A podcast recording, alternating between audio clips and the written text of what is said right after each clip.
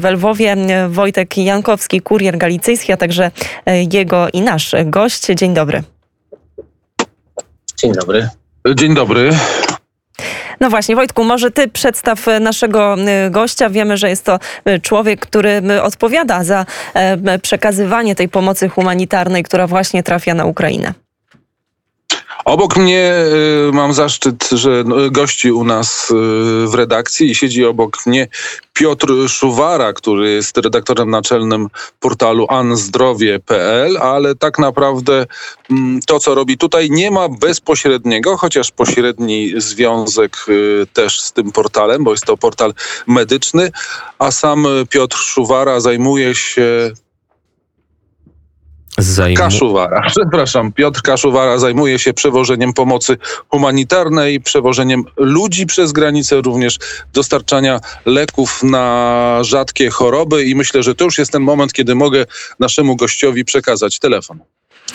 No właśnie, dzień dobry. To, dzień dobry, witamy ponownie. Panie Piotrze, w, wczoraj taki był, można powiedzieć, dramatyczny apel e, mera Lwowa, który powiedział, że 200 tysięcy osób to jest ta liczba, która już teraz, pewno dziś ona jest jeszcze większa, bo cały czas te osoby z najbardziej zapalnych miejsc Ukrainy próbują się przedostać do tych miejsc, które jeszcze są tak. e, w miarę bezpieczne. Na razie to już jest ponad 200 tysięcy osób, no e, i te, te wszystkie osoby trzeba nakarmić, trzeba znaleźć dla nich miejsce do spania, trzeba znaleźć dla nich te podstawowe rzeczy właśnie właśnie, które pomogą przetrwać te pierwsze dni. Proszę powiedzieć, jak z tych informacji, które do Pana docierają, wygląda sytuacja w Lwowie?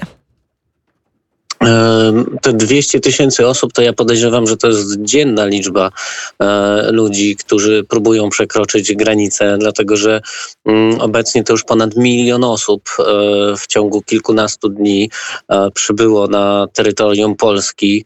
Mm, I to jest naprawdę niesamowite obserwować, jak moi znajomi, tak? Praktycznie nie ma ani jednej osoby wśród moich znajomych, który nie pomagałby mm, teraz Ukrainie i Ukraińcom. Bardzo wiele osób przyjmuje ich pod swoje dachy e, i często pytają mnie, jak ich namówić do tego, mm, żeby oni zgłosili swój status uchodźcy, bo e, oni nie mają takiego poczucia, że nie będą mogli wrócić do swojego domu. Ja jestem akurat z Wrocławia i bardzo dobrze znam takie historie z czasów II wojny światowej, kiedy przecież też przybywający na tereny Dolnego Śląska mm, ludzie y, siedzieli na walizkach, krótko mówiąc, przez wiele lat, nie remontowali swoich domów, właśnie dlatego, że bali się, że albo wrócą Niemcy, albo mieli nadzieję, że oni wrócą do siebie do domu. I tutaj sytuacja jest taka sama, mm, choć y, to wszystko trwa dużo krócej. I każdy człowiek, który te granice przekracza, każdy człowiek, z którym rozmawiam, ma swoją inną historię. Mm, ja tak starałem się patrzeć też na twarze poszczególnych ludzi i e, muszę przyznać, że jest to pełen przekrój społeczny od y, ludzi jeżdżących powiedzmy najtańszymi rozsypującymi się samochodami aż do luksusowych e, samochodów o napędzie hybrydowym. Tutaj naprawdę wojna nie wybiera, e, czy ktoś ma pieniądze, jakie ma wykształcenie, gdzie pracuje, czy jest dobrym człowiekiem, czy złym nawet, tak można by było powiedzieć, e, uciekają wszyscy krótko mówiąc. E, kiedy jedzie się od strony Polski, e, to nie ma ani jednego samochodu na granicy. Proszę sobie wyobrazić. Ja jeździłem wiele razy na e, Ukrainę w poprzednich latach. Byłem korespondentem wojennym z Donbasu. Kilka razy byłem po stronie mm, tej separatystycznej w Donieckiej Republice Ludowej, więc dokładnie wiem, jak wygląda sytuacja też po drugiej stronie frontu. I no dzisiaj mówię, dzisiaj uciekają naprawdę wszyscy przed tym, co, co się dzieje na Ukrainie. To prawda, panie Piotrze, to może proszę opowiedzieć trochę o tym doświadczeniu e, drogi, o tym, jak wygląda z pańskiej perspektywy e, przewożenie ludzi e, przez tą granicę, ewakuacja tych, którzy muszą uciec, ewakuacja dzieci, kobiet, osób starszych. No, wygląda, za, zależy tak naprawdę, jakie kto ma możliwości, ale wygląda dosyć dramatycznie. Można było zobaczyć w internecie takie zdjęcie publikowane przez reporterów BBC. Ja wiem, że swojego czasu pojawił się nawet, mm, pojawiła się taka informacja, że to jest fake news, że aż tyle ludzi na stacji kolejowej w Charkowie wcale nie czekało na pociąg. E, I ten fake news pojawił się akurat w internecie wtedy, kiedy ja wiozłem mm, trzy osoby w samochodzie, które uciekały z Charkowa. I pokazałem im to zdjęcie i pytam, czy, czy oni to widzieli, czy to prawda.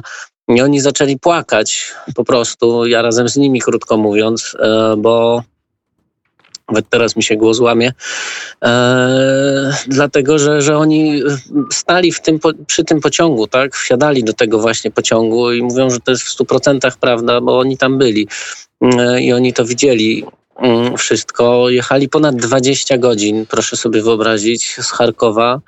E, jechali różnymi środkami transportu i e, no i naprawdę była to bardzo ciężka podróż dla nich. Było ich pięć osób, w sumie cała rodzina to były dwie kobiety e, starsze, do tego mm, dwie młodsze e, dziewczyny, no i jeden młodszy chłopiec, e, który jeszcze nie miał 18 lat. Zabrali ze sobą dwie walizki, jedną torbę i psa.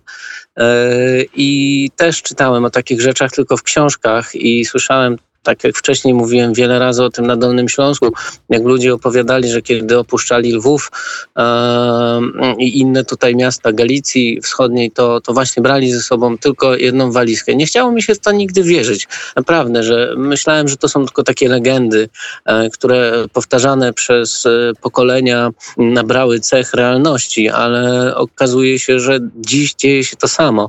Naprawdę ludzie wyjeżdżają z jedną walizką, z jedną reklamówką, idą kilkadziesiąt kilometrów pieszo. Bardzo dużo widać takich ludzi, e, powiedzmy 40-30 kilometrów od granicy, którzy na przykład porzucają swoje samochody, bo brakło im paliwa, zostawiają je gdzieś w polu e, i tylko napisane są tam takie kartki pozostawiane za szybami, m, że nie ma paliwa, musieliśmy tutaj zostawić samochód. No i ludzie idą dalej już pieszo. E, idą 30 kilometrów, idą 20 kilometrów do granicy z jedną reklamówką, z jedną walizką. Mm, docierają na miejsce i znowu kolejny szok, bo okazuje się, że takich samych ludzi jak oni jest tam kilkadziesiąt tysięcy.